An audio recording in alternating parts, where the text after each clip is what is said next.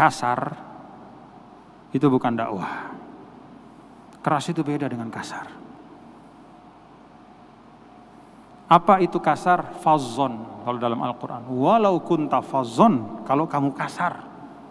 Fabima rahmatim minallah lintalahum. Dengan rahmat Allah kamu bisa berlaku baik kepada mereka kalau engkau kasar. Gholizol kolbi hatimu keras. Ke, kejam. Lam faddu min haulik. Mereka akan kabur dari sekitarmu wahai Muhammad sallallahu. Jadi kasar itu nggak ada tempatnya dalam dakwah. Apa salah satu penanda kasar itu? Kalau kata Imam Fairuz Abadi khusyunatul kalam. Kata. Kata yang khusyunah itu yaitu tadi kasar itu. Ada umpatan. Ada hujatan, ada hinaan, itu bukan dakwah itu. Jadi lembut, keras, tegas dalam tiga ruang itulah dakwah.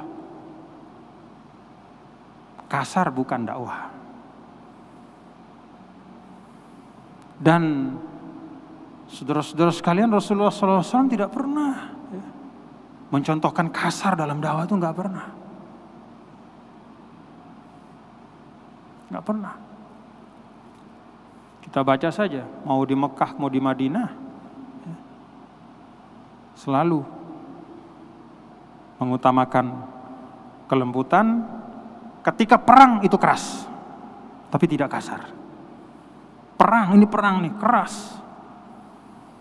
Maka di dalam Al-Quran pun ketika bicara ayat-ayat perang itu keras nadanya, keras tapi nggak kasar. Wa qatilul ladzina yuqatilunakum ya. Uh, dan perangilah orang yang memerangi kalian. Kan keras itu. Tapi nggak kasar. Jadi kekasaran itu bukan bagian dari dakwah.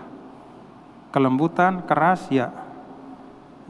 Kalau selama Anda bisa tegas dalam kelembutan, gunakan itu. Sebagaimana Rasul Shallallahu Alaihi Wasallam lebih sering menggunakan itu di dalam dakwahnya. Ada masa-masa tertentu ketika perang, ketika menghadapi musuh yang sangat nyata, sangat nyata.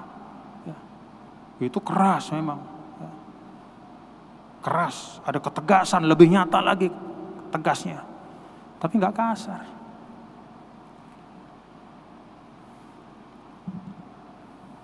Coba misalnya faktuluhum haitsu saqiftumuhum fakhuduhum waqtuluhum.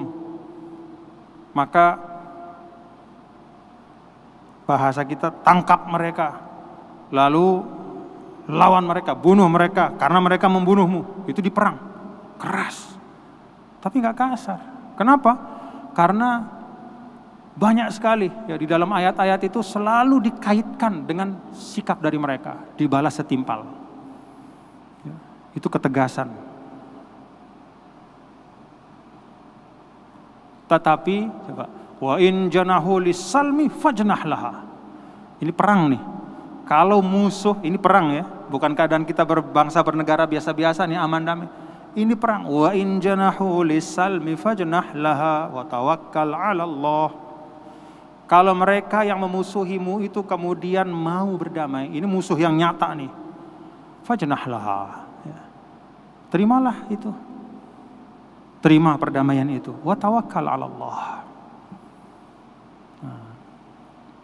jadi seperti itu dakwah ya jadi jangan sekali-sekali kita berdakwah tapi menggunakan kekasaran.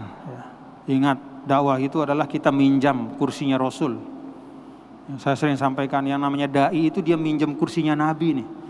Karena Nabi sudah nggak ada yang meneruskan itu adalah para ustadz, para tuan guru, para ulama. Jadi kursi ini kursinya Rasul dalam tanda kutip. Ini meneruskan dan Nabi itu nggak pernah. Termasuk juga khutbah tadi tuan guru Dr. Salimul Jihad. Itu mimbarnya Nabi dalam tanda kutip ya. Ketika Nabi sudah tidak ada, kitalah yang meneruskan berkhutbah. Jadi kita sedang minjam mimbarnya Nabi, sudah sedang minjam kursinya Nabi, mari kita jaga betul.